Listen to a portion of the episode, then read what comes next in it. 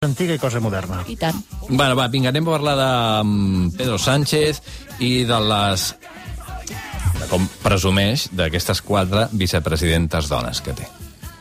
España se convierte en el sexto país del mundo con mayor proporción de mujeres en el Consejo de Ministras y de Ministros.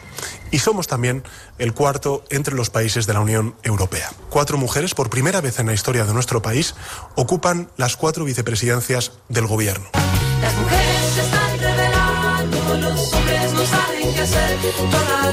A veure, tenim eh, quatre vicepresidentes dones, Carmen Calvo, Nadia Calviño, Yolanda Díaz i Teresa Rivera. Què ens has de dir de, de les fotografies de, que s'han ensenyat amb aquestes noves vicepres... Bueno, amb algunes de les noves vicepresidentes? Bé, clar, vam, vam tenir primer la, la roda de premsa per part de, de o la compareixença de Pedro Sánchez presumint val? permeteu-me la paraula, presumint de que tenia quatre dones vicepresidentes, que érem l'únic país del món. També és, aviam, tampoc és molt, molt, no està molt normalitzat tenir quatre vicepresidents, ni d'homes ni dones, vale?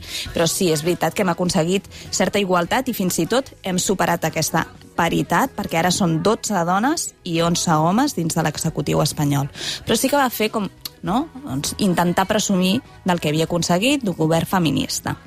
Ara, dit això, la foto de família que ens van servir és Pedro Sánchez a les escales de la Moncloa, que sempre és allà la foto de família amb tots els executius, mm -hmm. i va voler fer-se només la foto amb aquestes quatre vicepresidentes.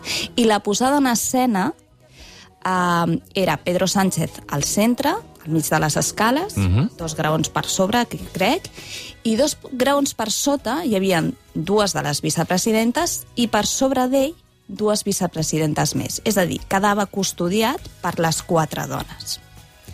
De fet, Aquesta- és tot just el contrari. Aquesta posada en escena, hi ha gent eh, que la visualitza com una cosa totalment normal i altres, inclòs allò, que ens va estranyar. Vale? Per què em va estranyar aquesta posada en escena? Uh, vosaltres recordeu quan Inés Arrimadas estava aquí de cap d'oposició i venia Albert Rivera a fer algun acte no? en, compa en companyia.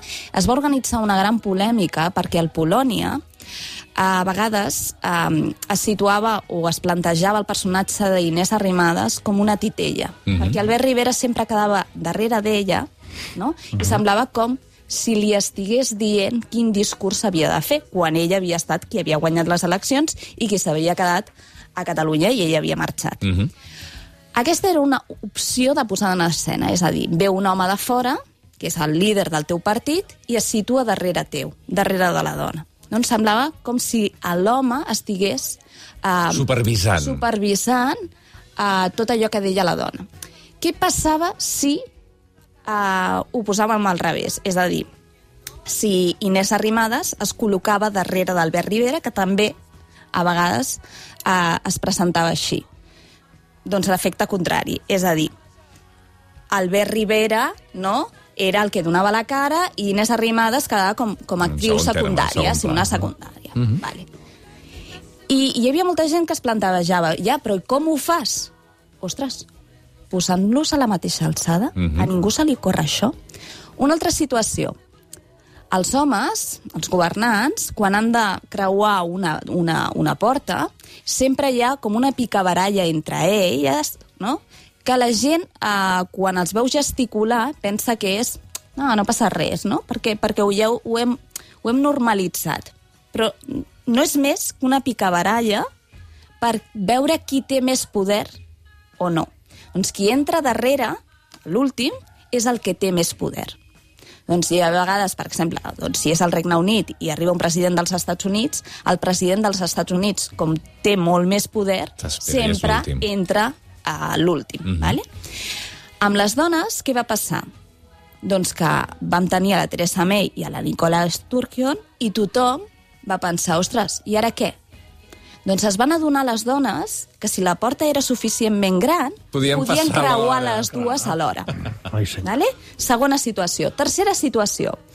Al metro de Nova York, no? quan comença tota aquella polèmica, no? i es denuncia que els homes obrin tant les cames que no permeten seure a altres uh, usuaris del metro, no? Mm -hmm. sobretot les dones. I doncs la gent va començar a replantejar-se, ostres, doncs potser sí, si nosaltres, si els homes no, ocupem menys espai, això no perjudica la nostra masculinitat, perquè està aprovat psicològicament també, que no, no minva la masculinitat d'un home, però permetem que les dones també puguin ocupar el seu espai. És a dir, no cal conquerir l'espai de l'altre, sí, i el que cal és que cadascú ocupi l'espai que li pertany. Per tant, quan jo vaig visualitzar aquesta posada en escena de Pedro Sánchez amb les quatre vicepresidentes, vaig pensar, una, per què no estan tots al mateix esglaó, a la mateixa alçada? Clar. I dos, fins i tot, per què no replantegem el poder d'una altra manera? Per què no el visualitzem d'una altra manera? És necessari que el poder hagi d'estar sempre al centre? Què hagués passat si Pedro Sánchez s'hagués col·locat a la mateixa alçada que les quatre En vicepresidentes i s'hagués col·locat en un extrem o un altre? No l'haguéssim percebut igualment com a president? No l'haguéssim percebut igualment com la persona que té més jerarquia dins de la vicepre- de, de, de l'executiu? Si no ho percebem així, és perquè aquella persona no té prou poder. Mhm. No és un problema de la mirada, sinó és un problema del- d'allò que transmets. Per tant, hem de canviar tantes coses, no, no, no només a nivell de llenguatge inclusiu, sinó fins i tot també de posades en escena i de com percebem el poder. Ara estava mirant la fotografia jo. Um, si s'haguessin posat a la mateixa alçada o a la mateixa altura tots cinc, Sí? totes cinc, de fet, uh, però ell al centre mm també hauríem destacat alguna cosa. Mm -hmm. És a dir, potser l'única opció possible era posar-lo a la dreta o a l'esquerra, no? Per normalitzar-ho al màxim possible. Per mi sí, per Perquè, mi clar, sí, aquí és però... que no s'està buscant normalitzar-ho, s'està buscant uh, ensenyar que és extraordinari, no? Sí, de fet, aviam, uh, sempre que visualitzem, jo per això sempre estic molt a favor de que les dones es visualitzin, perquè és una manera de normalitzar-ho, però d'altra manera, aquí ell, eh, amb les seves paraules prèvies, el que estava, eh, el que estava intentant era posar un valor, no? que és el que dius tu. No? Mhm. Doncs si li intentes donar importància o rellevància, situes enmig i tu posa't a un extrem Clar. i doncs dona-li aquest protagonisme. Eh, que és el que estàs buscant. concedeixes Exacte. aquest protagonisme. Sí, sí. Però si t'has de col·locar al centre... Vols i dols, eh? Clar, Sí, si sí. t'has de col·locar al centre, en plan, tengo aquí a mis cuatro ángeles, ¿no? Era ah, Pedro y los ángeles, lo- los ángeles de Pedro, ¿no? Sí. Clar, eh, això és el que em provoca a mi certa estranyesa. No, que això, que això em recorda molt... Bueno, una mica quan es fan les glòries, quan et donen els aplaudiments al teatre, encara que siguis el prota, amb les quatre persones que hagis actuat, les poses al mig o els, i tu t'apartes amb, una, amb, un, amb una banda i no és que els senyalis per dir aplaudir-los amb ells, que a mi ja m'heu aplaudit, sinó, no, no, els, les protagonistes o protagonistes són aquests, no?, els que estan al mig. De fet, I tu el- poses a una banda Clar. o a l'altra. De fet, a les, jo he revisat les fotografies de, de fotos de família dels, dels executius i normalment el president sempre és a l'eslaó de baix, juntament amb tots els vicepresidents. És a dir, els vicepresidents no es col·loquen ni per davant ni per darrere. Es col·loquen tots a la mateixa alçada. És el que volia preguntar, com són normalment les fotografies Doncs quan això, són la resta de ministres, vices o ministres sí que homes, per no? darrere, clar, l'eslaó també els puja, és a dir, tenen perspectiva, però la vicepresidència ocupa al costat del, del, del president, no? Mm. I fins i tot això, quan la posada en escena, no? que hi ha molta gent, a vegades jo que treballo amb empreses en protocol, hi ha gent que és molt jihadista del protocol, no? i et diuen si és que el president de l'empresa ha d'estar al centre, o el president de l'empresa està de peu, els vicepresidents voldran estar de peu, perquè si un està de, assegut i l'altre de peu, això no s'entendrà. No pots posar una persona amb tant de poder a un extrem. O sigui, hi ha gent que es nega tot això. Per tant, en- entenc que dins de Moncloa hi hagi algú de protocol que no els hi hagi permès. Però després, quan tu veus posades en escena, per exemple, la Anne Leibovitz, que és una fotògrafa que sempre fa doncs, aquestes portades del Vogue, del Vanity Fair, amb tots els actors i les actrius de Hollywood, veiem que tots tenen poder i tots eh, no cal estar al centre de la imatge. És a dir, hi ha gent que es col·loca a un extrem o darrere del tot, o fins i tot assegut, Sí, o, a, sí. o estirat a terra, i aquesta persona emana molt més poder que una altra que està aixecada. Sí. Per tant, també depèn de la persona i fins i tot de la, de la, de la resta de la posada en escena. Per tant, no ens obsessionem tant amb el fet de que el president o el poder sempre ha d'estar al mig. Music the moment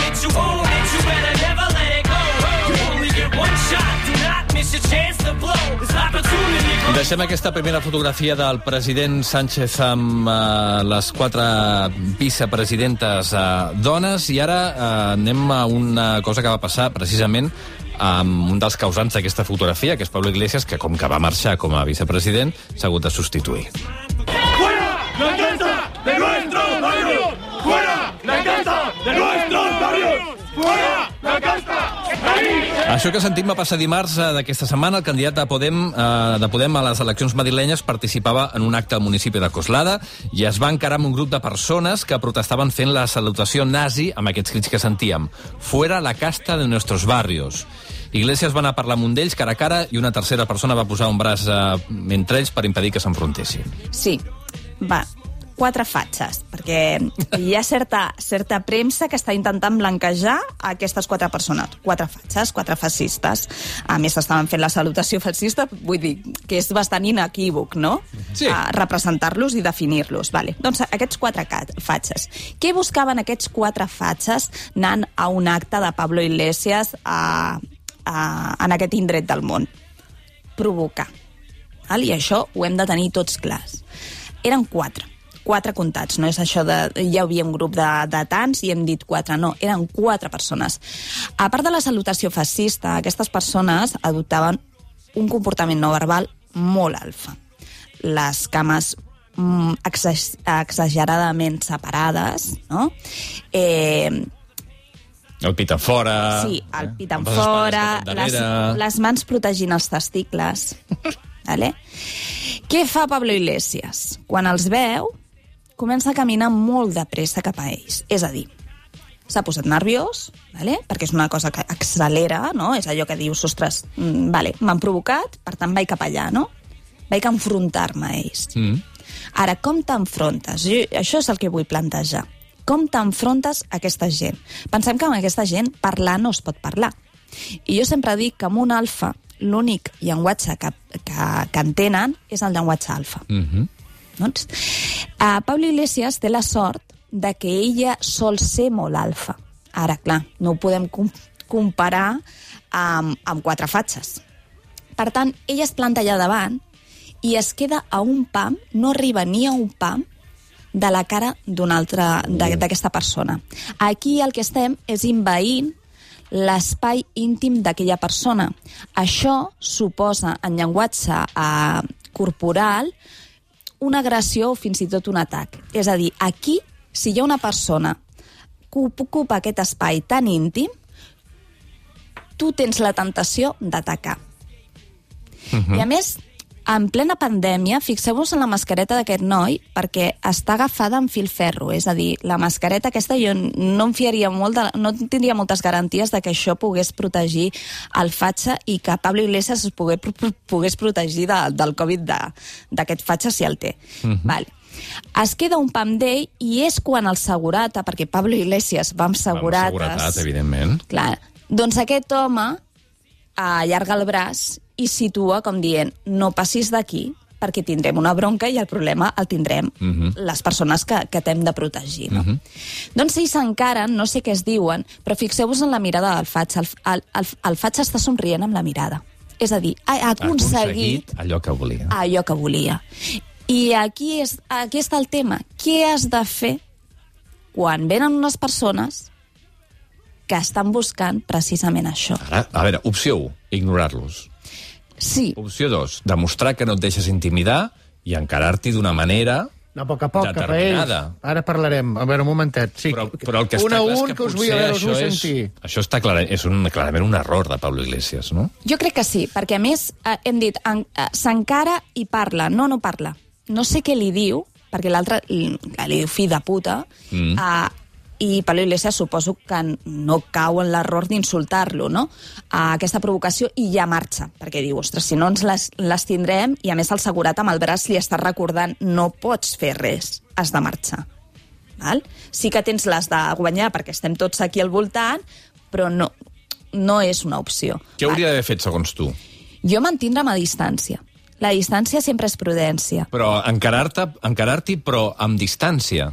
Encarar-me no. que- Posar-me de, davant d'ells Sí. a, a una gran distància, a una distància pública. Dins de, de, del comportament no verbal o del llenguatge corporal hi ha quatre distàncies. Una, la íntima, que és la que tenim amb la nostra parella, amb els fills i poc més. Mhm.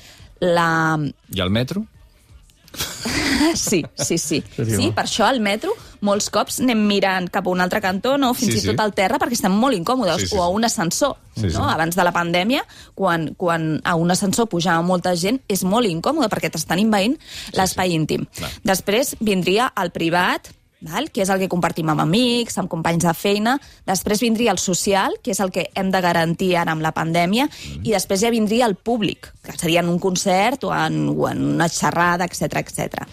Jo apostaria per mantindre una, una distància mm, social o fins i tot pública amb ells, Mm. Posar-me com es posa Pablo Iglesias, que aquesta pose de xèrif la sap fer molt bé, és a dir, fent, fent que les, les espatlles siguin més grans, perquè l'altre entengui que tu també ets un alfa, i mirar-los als ulls i fins i tot somriure amb la mirada. O sigui, no em feu por, no m'esteu provocant res.